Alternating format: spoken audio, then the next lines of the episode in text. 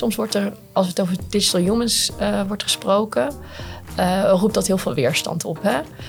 Um, en vaak wordt dan, ja, moeten we dat wel willen? Maar ik denk dat we niet de vraag moeten stellen van wel of niet, maar onder welke omstandigheden wel en niet. Wanneer vinden we het oké? Wanneer vinden we het niet oké? Wanneer brengt het ons waarde? Wanneer neemt het, staan menselijke waarden onder druk? Dat is belangrijk. Ja, welkom bij een nieuwe aflevering van de Communicatiepodcast. Je luistert naar de serie Staying Human. Hoe houden we het menselijk? En ik zit aan tafel met Lotte Willemsen hier op de Hogeschool van Rotterdam. Dankjewel. Welkom. Ja, wat ontzettend leuk om bij jou te zijn. Dankjewel. Jij bent hier lector, lector communicatie. Dat klopt. En ook directeur van uh, Stichting Wetenschappelijk Onderzoek voor Commerciële Communicatie. SWOC, ja. Uh, SWOC. je bent spreker, je bent schrijver, je bent onderzoeker. Um, ik maakte net al een grapje, wanneer doe je het allemaal? Maar we kennen elkaar wat langer en we weten ook dat we allebei heel veel energie krijgen van uh, veel verschillende dingen doen. En ik ben, uh, ik ben heel blij om bij jou te zijn. Dank Zeker. Voor Ja, tuurlijk. Zeker ook voor, um, voor deze serie en de vraag, want die vraag komt eigenlijk van jou. Hoe houden we het menselijk? We hebben drie, ongeveer drie jaar geleden ook met elkaar in gesprek gezeten. En toen uh, was jij al bezig met die vraag, volgens mij al lang, om hem te onderzoeken in een uh, gedigitaliseerde samenleving. Ja, dat klopt ook. ja, dus ik ga gewoon gelijk maar eventjes naar die vraag en naar jou. Van, uh, wil je wat meer context geven? Hoe, hoe stel je die vraag aan jezelf? Ja, dan moeten we eigenlijk wel een tijdje terug. Want ik doe onderzoek op het grensvlak van uh, communicatie en technologie. Met als focus inderdaad hoe houden we het menselijk. En dat doe ik eigenlijk al heel lang. Ik denk al sinds 2012. Ik promoveerde toen aan de Universiteit van Amsterdam. En dat was een tijd waarin we eigenlijk steeds meer op sociale media ons gingen bevinden. Om met elkaar te spreken, maar ook over organisaties, over bedrijven, over merken. Um, en dat kon positief zijn, maar dat kon ook negatief zijn. Dat zijn de begindagen van de webcare. Uh, en toen was het ook de vraag, hoe gaan we daarmee om? En is het wel zo menselijk om in gesprek te gaan met mensen die klagen, uh, vaak ook op, soms ook zelf op een onmenselijke manier? Uh, is dat eigenlijk wel menselijk om, om in plaats van via brieven en dergelijke contact te hebben, om nu via sociale media? Dus het is, de vraag is eigenlijk best oud. Alleen het, elke keer, zodra er nieuwe technologieën komen, ontstaat weer opnieuw die vraag. Uh, het was toen ook zo in 2015, was dat geloof ik. Was het een vraag van Logaion. De menselijke maat kwam toen centraal te staan als trend voor het communicatievak. En eigenlijk sindsdien ben ik onderzoek aan het doen naar technologie en communicatie. En met eigenlijk een missie om het menselijke leven zo uh, menselijk mogelijk te maken met technologie. Maar ook mensen voor te bereiden op die technologie. Ja, ik vind, ben meteen al getriggerd door wat je zegt, dat patroon wat je eigenlijk schetst. Van op het moment dat er iets nieuws komt aan technologie, dan gaan we met elkaar weer terug naar die vraag. En, en zijn we er een beetje bang voor dat we het kwijtraken, de menselijkheid? Of waar komt het vandaan? Ja, zodra er uh, communicatietechnologie wordt geïntroduceerd, um, waarbij er voor ons gevoel een afstand staat, ontstaat tussen mensen onderling, stellen we ons elke keer opnieuw die vraag. En dat was ten tijde van sociale media zo, maar dat is nu ook met de komst van uh, artificial intelligence zo. En allerlei andere mogelijkheden om via digitale communicatiekanalen te communiceren met elkaar. Ja. Dus het is uh, een, een, vraag die niet per se nieuw is. Het is eentje die zich elke keer weer, nou, dat de accenten elke keer weer op een ander vraagstuk komen te liggen. En misschien ook een beetje dat we onszelf met die nieuwe techniek weer moeten uitvinden? nou, dat denk ik wel. Uh, als we kijken, dan uh, gaan we echt terug naar ook de begindagen van het internet. En als we het dan hebben over de communicatieprofessionals, zie je wel elke keer dat die een andere rol is gaan aannemen. Ja. Dus met de komst van internet, uh, dan hebben we het over de web of pages, zoals we dat noemen. de dagen waarin, of eigenlijk het fenomeen waarbij pagina's met informatie met elkaar werden verbonden met het internet, zijn we ons heel erg gaan richten op de rol van middelenmaker. We gingen teksten schrijven, beeldmateriaal, uh, om uh, informatie over een organisatie te presenteren en dat op een aantrekkelijke manier te doen. Nou, daarna kwamen de sociale media, hè, waar we de Web of People, waarbij mensen zich via sociale media zich met elkaar gingen verbinden. Nou, toen zag je ook de rol van de communicatieprofessional verschuiven. Heel erg naar verbinder. verbinder. Het was niet, uh, communicatie was niet langer meer een taak alleen maar van uh, iets wat belegd werd bij de afdeling communicatie. Nee, het werd ook de taak om andere mensen binnen een organisatie te begeleiden om hen communicatiever te maken. Uh, maar ook daarbuiten met verschillende stakeholders. En nu zitten we in de, de web of agents, zoals we dat noemen, waarbij ja, AI AI-gemedieerde agents. Dus uh, we hebben dan over ro uh, robots, maar ook algoritmes, et cetera. Die worden met elkaar verbonden, maar ook met mensen. En nu staan we weer voor die vraag van wat gaat dat betekenen voor ons communicatievak? Ja, en Web of Agents, al, al heel mooi uitgelegd. En jij noemde jouw missie. En je zei, want zou je me nog even willen herhalen en er iets meer over vertellen? Want die is al vind ik heel interessant. Ja, eigenlijk wil ik uh, zorgen dat de technische wereld of de technologische wereld meer menselijk wordt met behulp van communicatie, maar ook dat mensen wat meer technologisch uh, gedreven worden met behulp van communicatie. Dus meer mediawijs en meer vaardig in het, in het toepassen van technologie. Ja, en waarom wil je dat? Nou, omdat ik uh, denk, als we het hebben over het menselijke en het technologische, daar wordt vaak over gedacht dat het twee zijden van een continuum zijn. je bent of een tech-savvy bedrijf, uh, wat heel erg goed in staat om uh, op basis van data en, en, en met technologie te optimaliseren. Maar daar hebben we vaak een koud beeld van. of je bent een heel erg menselijk bedrijf met een echt menselijke DNA. alsof die twee werelden bijna niet te verenigen zijn. dus daarom uh, is dat mijn missie om die twee werelden wel met elkaar te verenigen. Zodat we niet de vraag stellen hè, of we bedreigd worden technologie. Uh, maar hoe we toch menselijk kunnen blijven, ondanks en dankzij die technologie. Heel mooi compleet, ook ondanks en dankzij. Ja, klopt. Ja. En, en hoe um, geef je invulling aan die missie? Ja, dat doe ik als onderzoek, hè, want ik ben uh, van huis uit ben ik een communicatiewetenschapper. dus onderzoek staat altijd centraal in alles wat ik doe. Uh, als lector mag ik, uh, heb ik, uh, ja, is het mijn taak of eigenlijk missie om met behulp van onderzoek communicatieprofessionals beter voor te bereiden op wat hen te, te wachten staat. Ja. Dat is waarom ik ook onder andere werk bij een HBO-instelling. Ja. dus we doen altijd onderzoek niet, met niet theorie als vertrekpunt, maar eigenlijk een vraagstuk uit de praktijk. En uh, dat doe ik natuurlijk ook uh, als directeur van Stichting Wetenschappelijk Onderzoek Commerciële Communicatie. Dat is een stichting die eigenlijk wetenschappelijke kennis over merken en uh, marketing en reclame en communicatie toegankelijk en toepasbaar maakt. En ook daar zie je dat de technologie uh, een belangrijke rol gaat spelen in het vakgebied. Dus wat betekent dat voor ons beroepsprofessionals? En hoe kunnen we nou zorgen dat we nou in staat zijn om met die ontwikkelingen mee te gaan en ook van waarde te zijn voor in die toekomst? Ja, waanzinnig interessant. En ik ben ook benieuwd, hoe is het nu? Wat heb je nu ontdekt? Nou, de afgelopen jaren hebben we vooral veel onderzoek gedaan. Wat betekent het nou om menselijk te zijn? Want uh, tijdens de vorige podcast hadden we al vastgesteld van hè, wij als organisatie, als professionals hebben door dat we meer menselijk moeten zijn in onze communicatie en onze bedrijfsvoering. Maar uh, we moeten ons ook de vraag stellen: wat betekent het nou om menselijk te zijn? Uh, daar hebben we de afgelopen jaren dus veel onderzoek naar gedaan. En daarbij hebben we ontdekt dat er een aantal eigenschappen zijn die ons menselijk maken. En de eerste reeks vaardigheden kunnen we eh, vallen onder agency. Dat gaat om het vermogen om uh, bewust te handelen. Uh, dus wat valt daaronder? Er valt uh, onder dat je beslissingen kan nemen, dat je doel, ja. doelen kan nastreven, um, um, dat je daarop kan reflecteren, maar ook um, vanuit een, een, een, moraal kan nadenken. Want als je kan, handelen, kan handelen, dan kan je ook handelen volgens goed en fout. Althans, ja. de ideeën die je daarover ja. hebt.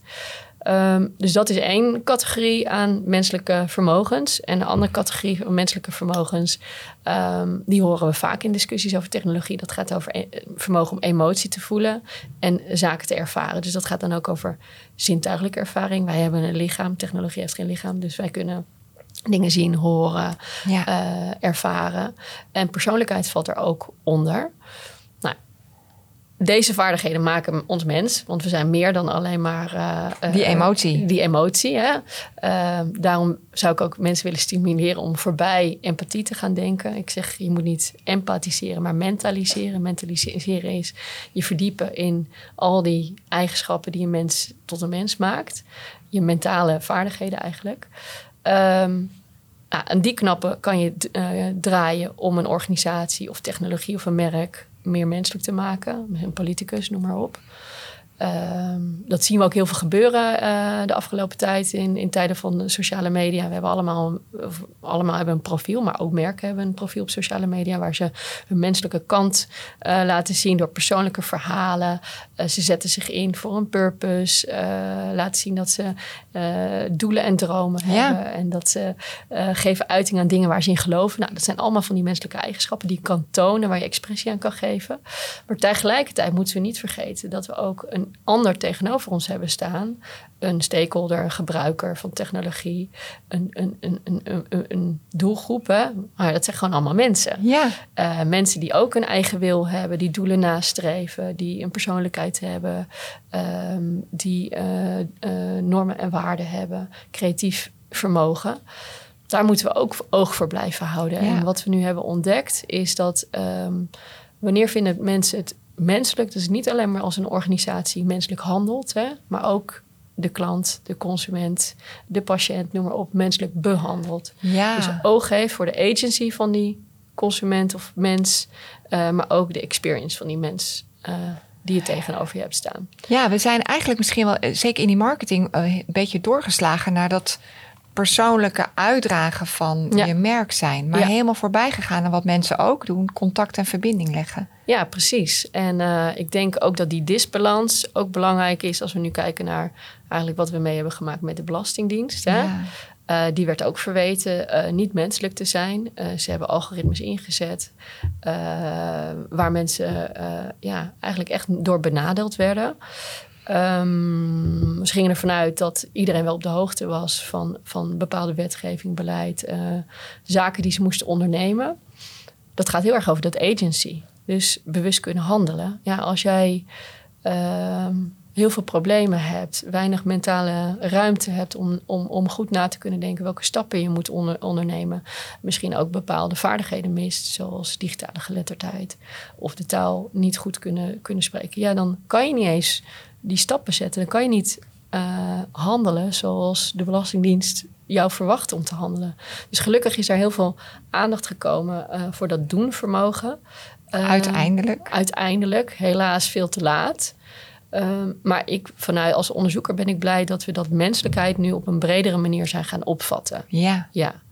Uh, en daarnaast heb je natuurlijk ook die experience. Dat je ook nog steeds oog moet hebben voor de emoties die mensen hebben. Van wat mensen horen en zien. Dat je daar zelf ook ogen en oren uh, voor hebt. Uh, dat je echt iemand ziet voor wat hij is. Een mens. Met al die aspecten die je mensen mens maakt. dat gaat veel breder en dieper dan uh, je ambtelijke brief herschrijven naar precies. persoonlijke taal. Ja, precies. En zelfs dat is al lastig. Hè? Want als ik uh, zelf, ik ben zelf heb ik uh, la lekker lang mogen studeren, kunnen studeren. Maar zelfs ik heb soms moeite om die te ontcijferen en echt te begrijpen wat ja. ik nou aan ja. acties moet Nee, ondernemen. precies. Dus dat zeker wel blijven Ja. doen. Ja. Maar het, gaat, het is veel meer dan dat. Ja, absoluut. Absoluut. Dus ja, vandaar dat ik er ook voor pleit om uh, de juiste vraag te stellen. Uh, dus stel jezelf de vraag: wat is nou menselijk? Uh, en dat ook op een holistische manier te kijken. Dus voorbij alleen empathie.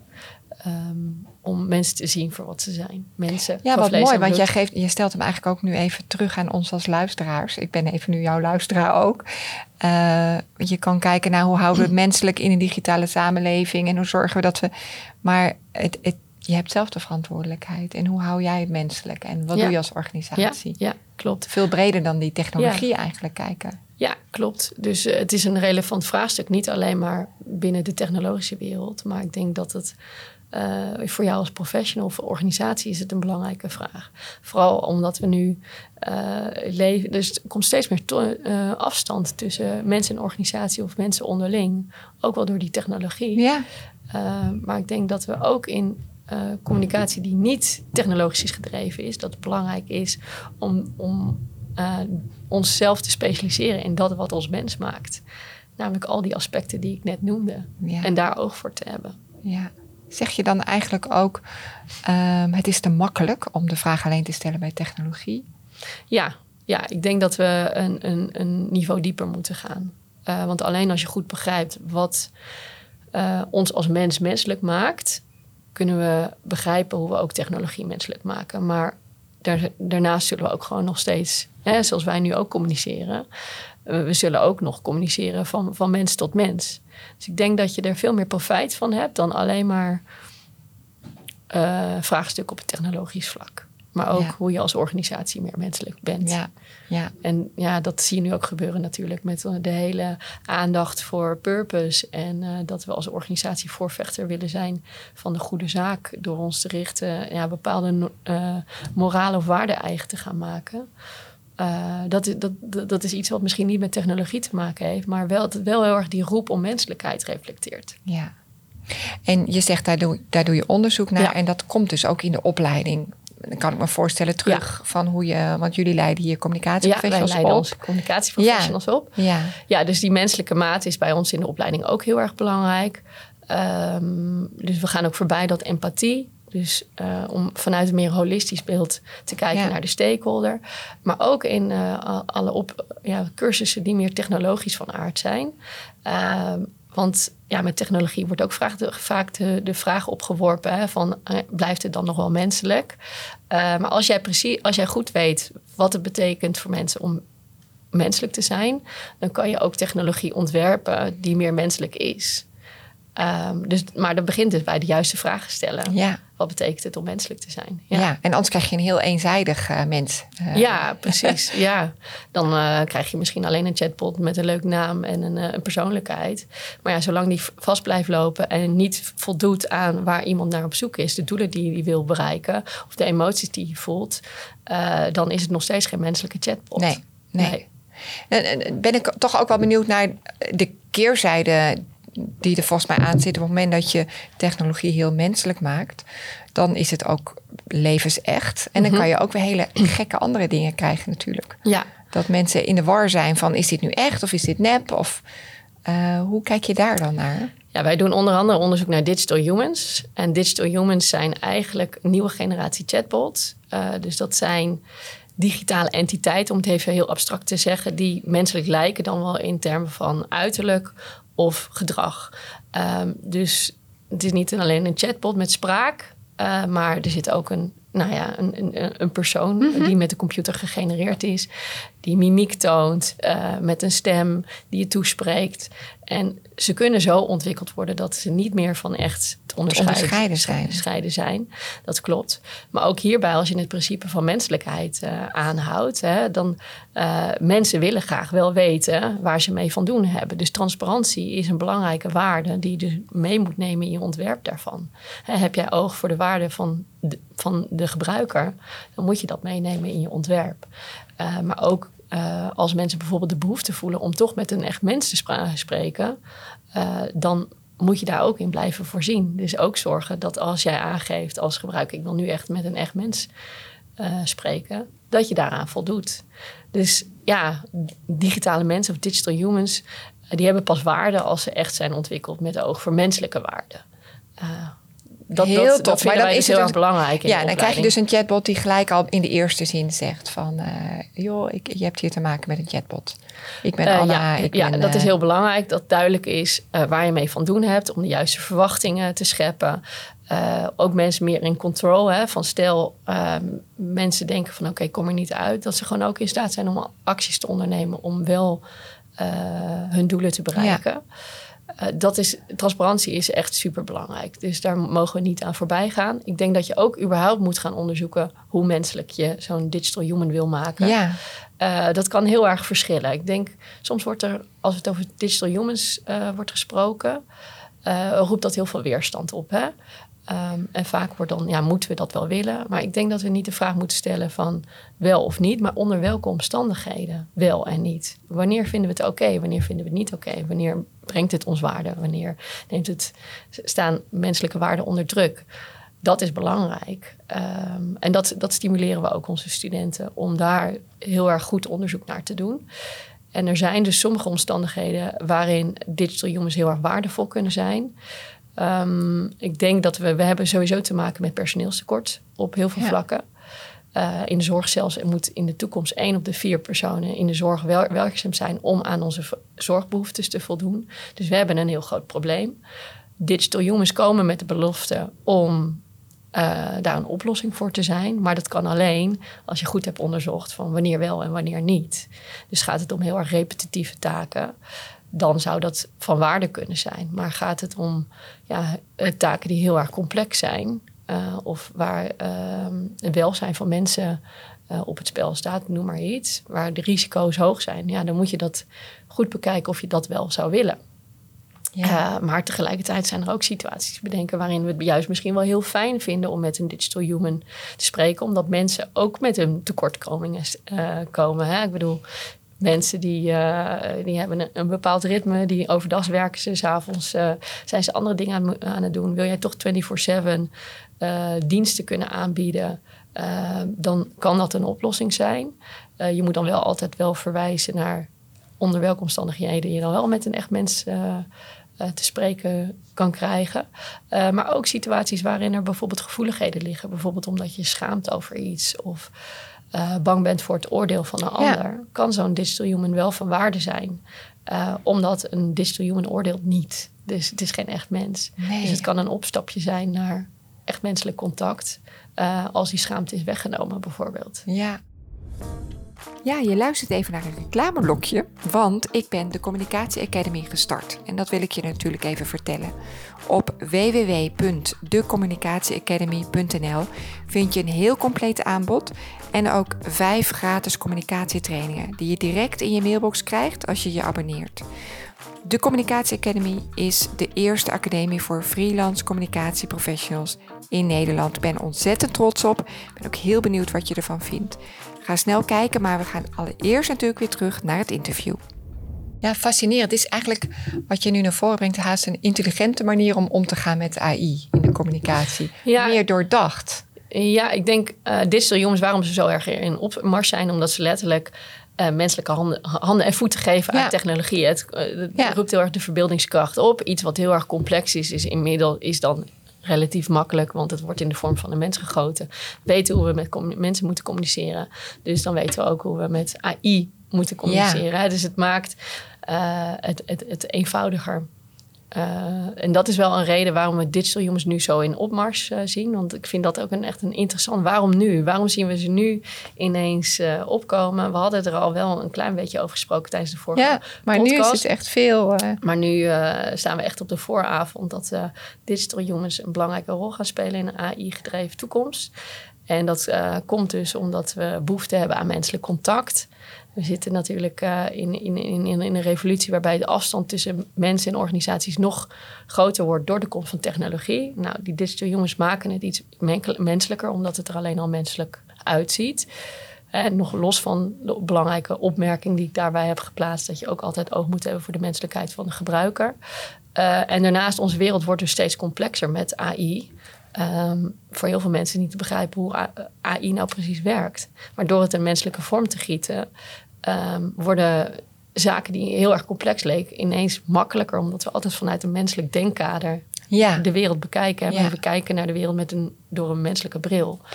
Dus dat is waarom we um, nu zoveel digital humans gaan zien. Nou, en dan zijn er ook nog allerlei andere zaken, zoals uh, technologische. Nou, het kan gewoon nu. Hè. We hebben uh, AI uh, is doorgebroken, conversational AI. We hebben veel meer rekenkracht, generative AI, waardoor het ook makkelijker wordt om digital humans te, te maken ook. dus dat is een reden. En omdat we dus er toch behoefte aan is, dan wel vanuit organisaties, uh, dan wel van mensen, mits je het op de juiste manier ontwikkelt. Ja. ja. maar jij kijkt eigenlijk, en we gaan dus nog heel even bij dat ethische stukje stilstaan ja. en dan gaan we naar de praktische ja. tips. Maar jij kijkt eigenlijk overwegend positief, als ik je zo hoor, naar de ontwikkelingen. Nou, ben je ik neutraal? ben, ik ben um, voorzichtig optimistisch, denk ik dat dat de juiste uh, woord is. Um, maar dat heeft ook mee te maken dat als je de, de juiste vragen stelt, dat je dan uh, niet zozeer alleen de vraag van moet ik het wel of niet doen, maar onder welke vorm, omstandigheden is het, is het acceptabel, is het wenselijk? Uh, ik denk dat dat vooral een belangrijke vraag is, want ja. ze komen er toch. Um, dus laten we nu gaan nadenken over hoe we het ja. menselijk kunnen, oh ja, zo kunnen ontwerpen dat het menselijk is. Um, zodat, we, zodat ze in de toekomst een waardevolle rol kunnen spelen. Ja. Ja. En dan in de juiste context. Want ik ga nog even Ja, naar een ja. ervaring die ik zelf had met mijn dochter die op Snap zit regelmatig. En die Mm. was dan een paar maanden geleden was er zo'n digital human, denk ik, geïntroduceerd volgens mij door Snapchat. Klopt. En die ging afspreken met Ja. eh, kinderen. En zij moest lachen van ah, we gaan een pizza eten morgenavond. Dat is natuurlijk niet waar. Nee. Maar en toen dacht ik wel even, wow, dit komt zo. Zij heeft naast mij op de bank zitten chatten. Ze noemt het. Maar er zijn natuurlijk ook kinderen die dit niet kunnen onderscheiden van Nee. is dit waar of nee, niet. klopt. Dus daarom moet je zo goed eh, onderzoek doen van tevoren. Ja. Allereerst onderzoek doen eh, hoe menselijk je het wil maken. Hè? Want het is een, denk ik, een verkeerde aanname dat eh, als het hyperrealistisch is, dat het dan vooral een effectieve manier van communiceren is. Ja. Ehm, vanuit, denk ik, ja, innovatiedrang willen we het heel erg realistisch maken. Maar we, het is helemaal niet nodig om die digital humans zo realistisch te maken... dat je het verschil tussen echt en nep niet kan... eh, dat onderscheid Nee. niet meer kan maken. Want zelfs als je het eh, in de vorm van een character... eh, of een, een, een, een robotje of een dier bijvoorbeeld... dan hebben we er nog steeds een menselijk gevoel bij... omdat het dan wel op een menselijke manier Ja. communiceert. Ja, Dus er zijn zoveel meer knoppen om aan te draaien om een menselijke ervaring met AI te creëren. Dat hoeft niet altijd alleen maar hyperrealistisch te zijn. Dus eh, doelgroep is daar een belangrijke overweging in. Hè, van kinderen, maar ook mensen die digitaal minder geletterd zijn. Uh, Dat doenvermogen bijvoorbeeld. ook? Doenvermogen, precies. Dat is allemaal heel erg belangrijk.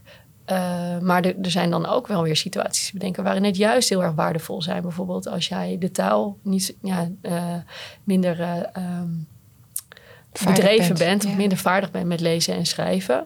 Nou, als je het te tegen iets kan spreken en je krijgt de antwoord terug, dat maakt het misschien voor heel veel mensen ook wel weer een stukje makkelijker. Ja. Maar als je dit zo zegt, zou, zouden we eigenlijk veel meer onderzoek moeten doen? Of, maar hoe doe je dat? Waar zou je moeten beginnen? Ja, onderzoek, daar ben ik sowieso voorstander van, als uh, onderzoeker zelf natuurlijk. Maar ik denk dat het begint bij het besef dat je eigenlijk je hele leven moet blijven leren. We, we komen van een, een, tijd waarin jij en ik zijn, uh, hebben een studie gevolgd. Ik weet niet of het bij jou een communicatiestudie ja, was. Ja, ja, ook. Ja. Bij mij communicatiewetenschap. Nou, misschien doe je daarna nog cursussen. Uh, maar ondertussen gaat, verandert de wereld in rap tempo. Dus wat we hebben geleerd, dat kan zomaar eens ineens achterhaald, achterhaald zijn. zijn. Dus we moeten echt toe naar een, een, een, ja, een carrière waarbij we blijven leren en bijleren.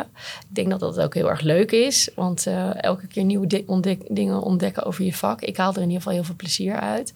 Maar ja, die continu blijven ontwikkelen, continu blijven leren, dat is een belangrijke vaardigheid. Um, ik had het in de vorige podcast over zelfdisruptie. Ja. Nou, daar sta ik nog steeds achter. Dus disruptie, als we het over, over bedrijven hebben. Hè, dat je omeens een, ineens een omwenteling maakt in, in, in, in je diensten. Nou, zo kan je ook in jezelf, jezelf disrupteren. Door even los te laten wat je hebt geleerd vanuit een opleiding of vanuit je vakgebied. Uh, om te experimenteren, om te exploreren, om nieuwe dingen uh, aan te leren. Ja, dat blijft dat is gewoon belangrijk. En ik weet ook niet, misschien is het ook wel meer een mindset dan echt een vaardigheid. Uh, maar als we kijken wat er in de afgelopen vijf jaar allemaal op ons af is ja. gekomen, uh, dat gaat zo snel. Dus wij, we moeten een, een modus zien te vinden waarbij we continu bijleren. Ja. Um, en dat is een van de vele vaardigheden waarvan ik denk dat die belangrijk zijn in een AI-gedreven uh, samenleving. Een van de vele? Nou, vele. Laatste tijd wordt er veel gesproken over STEM skills. Ik weet niet of je die term kent, maar STEM staat voor Science, Technology, Engineering en Mathematics. In Amerika um, wordt er sterk ingezet uh, om kinderen die skills aan te leren. We gaan uh, een, een, toekomst tegemoet waar technologie een belangrijke rol in speelt. Uh, ze worden ook wel hard skills genoemd. Um, daarnaast heb je soft skills. Alleen aan soft skills hangt nogal een stigma. Want we hebben het idee met hard skills, oh, dat zal dan ook vast, vast heel moeilijk zijn. En soft skills, dat komt je aanwaaien. Dat, ja. Die heb je of die heb je niet. Nou, Echt we een beetje niet... soft. Ja, precies. En ook als je gaat googlen, zie je plaatjes van hartjes en mensen die met elkaar in verbinding staan. Uh, maar ja, wij weten allebei, we hebben allebei een opleiding communicatie gevolgd. Nou, daar moet je hard voor werken om ook die, uh, die skills eigen te maken. Dus ik, ik ben met uh, Marije Brom, dat is een, iemand die met mij onderzoek doet. Zijn wij onderzoek gaan doen naar welke nieuwe skills hebben wij nou nodig in een AI-gedreven ja. samenleving. En kunnen we nou... Als professional. Als professional, ja. ja. als creatieve professionals. En kunnen we dan ook een, komen tot een acroniem die minder... Ja, minder, meer, minder eh, stigma oproept. Ja. Dus in plaats van soft skills zijn we nu naar clip skills gekomen. En dat staat voor creativiteit, learning. Learning, dat is waar we het net al over hadden. Ja. Zelfdisruptie onder andere. Eh, interpersoonlijke communicatie. En de P van philosophical thinking. Eh, en we zijn daartoe gekomen door echt allerlei pionierende bedrijven... die werken met AI, professionals die werken met AI... om te ondervragen welke kennis en vaardigheden hebben we nou nodig... om van waarde te zijn en te blijven in een toekomst... waarin AI steeds grotere rol gaat spelen. ja, Ja. fantastisch. Is het onderzoek weer ergens te lezen of na te kijken? Nou, ik heb er zelf toevallig een podcast over. Echt? Eh, althans, die oh, die zetten we in de eh, notes. ja, ja. dat is goed. Eh, maar ja, naast learning is creativiteit, hadden we het al over. Ja. Dat is iets wat ons heel erg menselijk maakt. Natuurlijk kan je AI inzetten om inspiratie op te doen. Ik zeg altijd zelf, het is, een- ja, je kan ChatGPT of DALI inzetten als een soort van het vinden van het beginnetje van een rolletje plakband. Hè, om ideeën op te doen waar je vervolgens weer op verder gaat eh, itereren en, en doorgaan uiteindelijk. Ja. Want mijn ervaring is vaak dat er iets dat ik uiteindelijk eindig met iets anders dan wat er ooit Ja, is ja. voorgesteld. Ja. Ik weet niet of jij dat ook hebt. Werk jij ook met eh, al met eh, ChatGPT? Ja, met? Ja. ChatGPT regelmatig. Ja. Eh, en ik merk wel dat, dat, dan, dat ik wel een beetje blijf hangen bij dat beginnetje van dat plakband. Dus dan ga ik daarna, ik weet Ja. niet of je dat bedoelt, maar andere tools. Ik heb bijvoorbeeld ook zo'n tool waar, waarmee ik podcastafleveringen zou kunnen trans, dat je daar een transcript van kan maken. Ja. Eh, zelfs je kan van alles. Maar dan kost het best heel veel tijd om je dat eigen te maken en toe te passen. Mhm. En dan ga ik toch weer terug naar van oké, nou ik, ik, ik chat met ChatGPT even over een hele pakkende beginzin. Of een, en daar hou ik het dan een beetje bij. Is Ja. dat wat je bedoelt? Dat je dan eigenlijk dan door moet gaan onderzoeken. Nou, eigenlijk wat ik dat het net eventjes een, een, een, een trigger geeft om daarop door te denken. Dus Zo, dan heb je ja. misschien een pakkende, tien pakkende zinnen. Ja, en dan ga ik pak door. daar wat Ja, uit maar en dat daar is wat uit. En ideaal. dan kom ik, combineer ik met iets wat ik anders heb Ja. gehoord. Dus eh, ja, ik, ik las iemand die had het laatst over niet eh, over artificial intelligence, but, maar over eh, artificial eh, inspiration. Ja, Dat vond ik een mooie. ja. Eh, maar ja, we gaan steeds meer toe naar een rol waarbij we ook aan het cureren zijn. Hè? Wat Ja, is wel niet zeker. waardevol? Wat vinden we creatief? Wat komt overeen met een concept? ja. En uiteindelijk blijft de mens dan wel in... Con ja, in controle, hè? nou, ja, als jij een, een, een ChatGPT bedenkt niet een concept. nee. Maar je kan wel een ChatGPT of DALI gebruiken om jou te helpen om een concept te, te bedenken die voldoet aan de, de eisen die jij daaraan hebt gesteld. En Ja. vervolgens ga je dat weer cureren. Dus uiteindelijk eh, zijn we nog steeds eh, in controle. Als we het daar dan over hebben. Dus creativiteit is er één, learning is er eh, één, interpersoonlijke communicatie. Ja, dat is ontzettend belangrijk ook voor ons vakgebied. Interpersoonlijke communicatie houdt eigenlijk in, dat is eigenlijk hoe wij natuurlijk met elkaar communiceren. eh, één op één, maar ook in groepsverband. Dat gaat over samenwerken, team spirit, eh, eh, teamwork eigenlijk. Het gaat over de kracht van taal, betekenis geven aan een boodschap. Eh, dat gaat over verbindingen leggen, connectie bouwen, et cetera. Ehm, dus interpersoonlijke communicatie staat Ja. eigenlijk spe- speelt een hele belangrijke rol in, in onze communicatie. En ik denk waarom het zo spannend is, omdat we nu gaan naar AI. Eh, waarbij er AI wordt ontwikkeld die autonoom met ons en namens ons Ja, kan communiceren. ja, dat. Dus wat moet je heel veel kennis van hebben, is interpersoonlijke communicatie. Want die AI is zo ontwikkeld dat het mensen nabootst. Ja. Uh, maar dat kan je alleen goed ontwikkelen als je weet hoe mensen onderling met elkaar communiceren. Dus die interpersoonlijke communicatie is super belangrijk. Belangrijk dat wij daar als communicatieprofessional ook ons mee bemoeien, zodat het menselijk is in die interpersoonlijke communicatie. Ik denk dat we ons ook nog wel, dat hier ook nog wel een wereld te winnen is. Want wij zijn Echt wel. op communicatiespecialist, ik weet niet hoe het met jou is, maar in onze opleiding was vooral heel veel aandacht voor massamediale communicatie, Ja. zoals framing en dergelijke. Ja. Maar hoe jij nou onderling nou echt communiceert en, en, en de, de, de nuances en de, de su- subtiele boodschappen die je daar op doorgeeft. En, en, en dat, dat, daar hebben, je was er toen heel weinig Nee, heb, heb, ik, Ja. heb ik inderdaad ook Ja. gemist. En eh, ook flink nog bijgeleerd. En Ja, nog steeds over, op aan het bijleren. Van hoe, hoe kom je over? Hoe maak je impact? Hoe ja, werkt dat dan? er Welke onder. communicatiestijlen zijn er? eh, en hoe, hoe sluit je aan bij de stijl van de Ja. ander? Maar ook een stukje systemisch perspectief. Van hoe werken organisaties en hoe communiceren mensen in een bepaald systeem.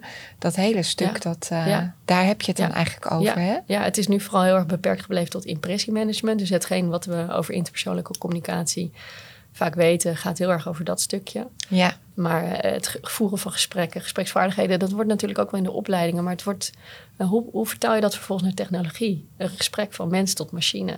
Ja. dat is waanzinnig interessant uh, en belangrijk voor ons werk. Nou, en dan heb je de P van philosophical thinking. En daarmee in de breedste zin van het woord. Dus daarmee bedoel ik niet dat je een Descartes of een Kant moet kennen. Maar vooral de technieken van filosofen. Uh, dat het waardevol is om die te beheersen. Dus dat gaat heel erg over kennis opdoen. Uh, door uh, logisch en ehm, logisch na te denken. Ja. Kritisch na te denken. Met een open en nieuwsgierige houding. En dat laatste vind ik heel erg belangrijk, want dat onderscheidt het van kritisch denken. Ja. Soms als we het over technologie hebben en dan zeggen we ja, we moeten wel kritisch blijven denken. Dus dat is belangrijk, dat is goed. Maar soms weerhoudt het ons ook om ons te in, gaan investeren in, in, in het opdoen van nieuwe kennis, omdat het dan weerstand opwekt. Hè? Ja. Uh, dus kritisch zijn om het kritisch zijn, terwijl filosofisch denken gaat ook om vragen stellen, de status quo te bevragen. Niet alleen maar uh, wel of niet, maar onder welke omstandigheden wel of niet. Uh, met een nieuwsgierige houding, verschillende perspectieven, verschillende belangen. Uh, verwonderen ook, hè, hoort daarbij. Maar ook ethisch denken. Dat is Ja. een stroming van de filosofie.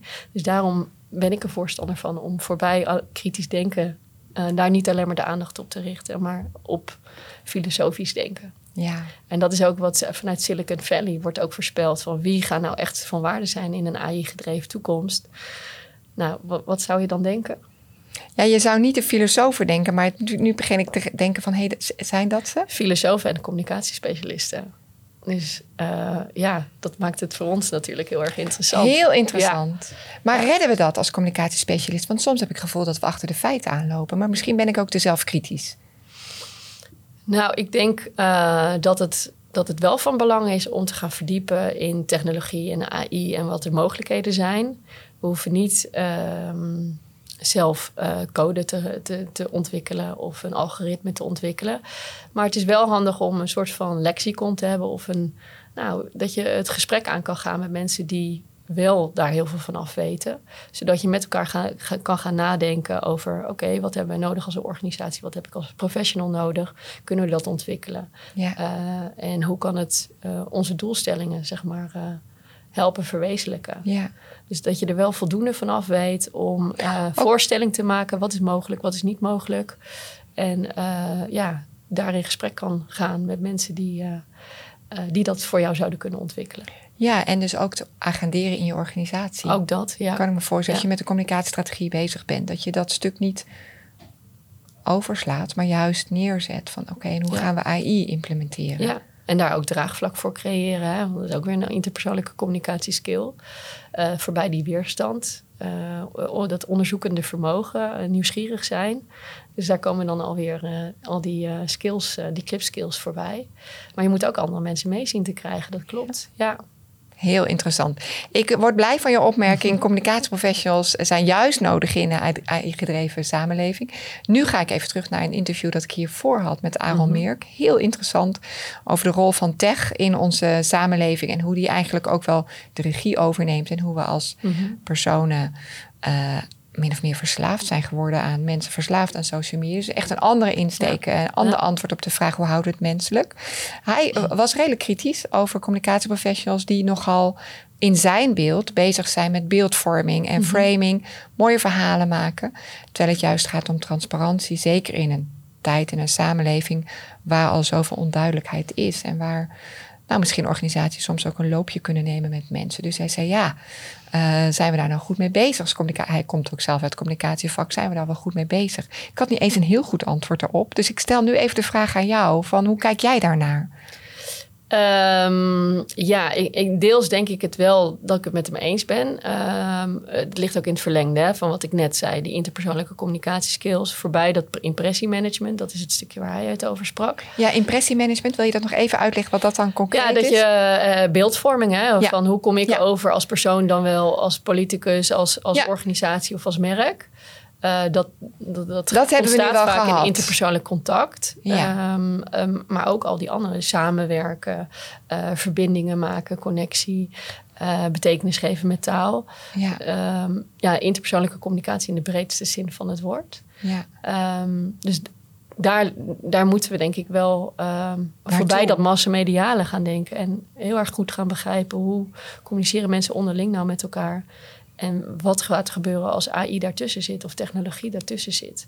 Als die uh, content gaat creëren of uh, manipuleren of uh, aanpassen, optimaliseren. ja, dus en daar ben ik het wel mee eens. Ik ben het ook eens met dat we ervoor moeten waken dat we afhankelijk worden van, um, van, van, van, de grote organisatie, ja. de techbedrijven. Um, daarom is het ook van belang om zelf uh, dat soort zaken te gaan ontwikkelen. Um, en dat is ook wat wij onze studenten heel erg meegeven. Um, dat zij, ethiek is dus een belangrijk onderdeel in onze opleiding.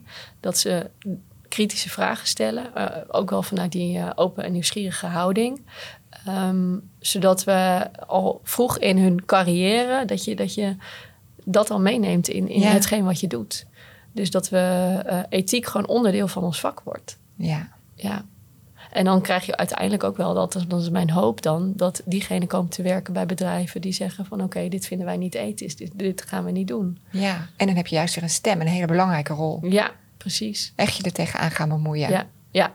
dus uh, ethiek, ja, daar ben ik het helemaal mee eens. Dat zou veel centraler uh, moeten komen te staan in ons vak. Um, en dat is waarom wij dat ook hier bij de opleiding communicatie uh, en de Hogeschool Rotterdam sowieso heel erg centraal stellen in het onderwijs. Um, omdat we dat gewoon nodig hebben. Ja. ja. Dankjewel. Super boeiend gesprek. Dankjewel. Als mensen jou willen volgen, dat kan op LinkedIn, hè? Lotte dat kan Willemsen. op LinkedIn, ja, klopt. Je hebt regelmatig optredens, ook in de media. Je publiceert uh, zaken. Je hebt een eigen podcast. Hoe heet de podcast? Nou, het was een, een, een, onderdeel van een podcast. het heet Say, Say Hi to AI. En uh, ik heb daar een, uh, één aflevering mee mogen maken. Okay. Ja, voor mogen maken. Oké, okay. ja. dat linkje zetten we in de beschrijving van ja. deze podcast. Dus daar kan je nog verder luisteren op dit, dit thema. Ontzettend bedankt voor al je informatie. En nou mensen, tot de volgende keer. Opnieuw een aflevering Stay in Human. En ik hoop dat je erbij blijft. Tot snel. Voordat je gaat, wat ontzettend leuk dat je geluisterd hebt naar deze aflevering van de Communicatiepodcast. Ik ben heel benieuwd wat je ervan vond. Zou je een review willen achterlaten op het platform waar je nu luistert? Of mij een berichtje sturen via LinkedIn of via Instagram? Heel veel dank en een fijne dag.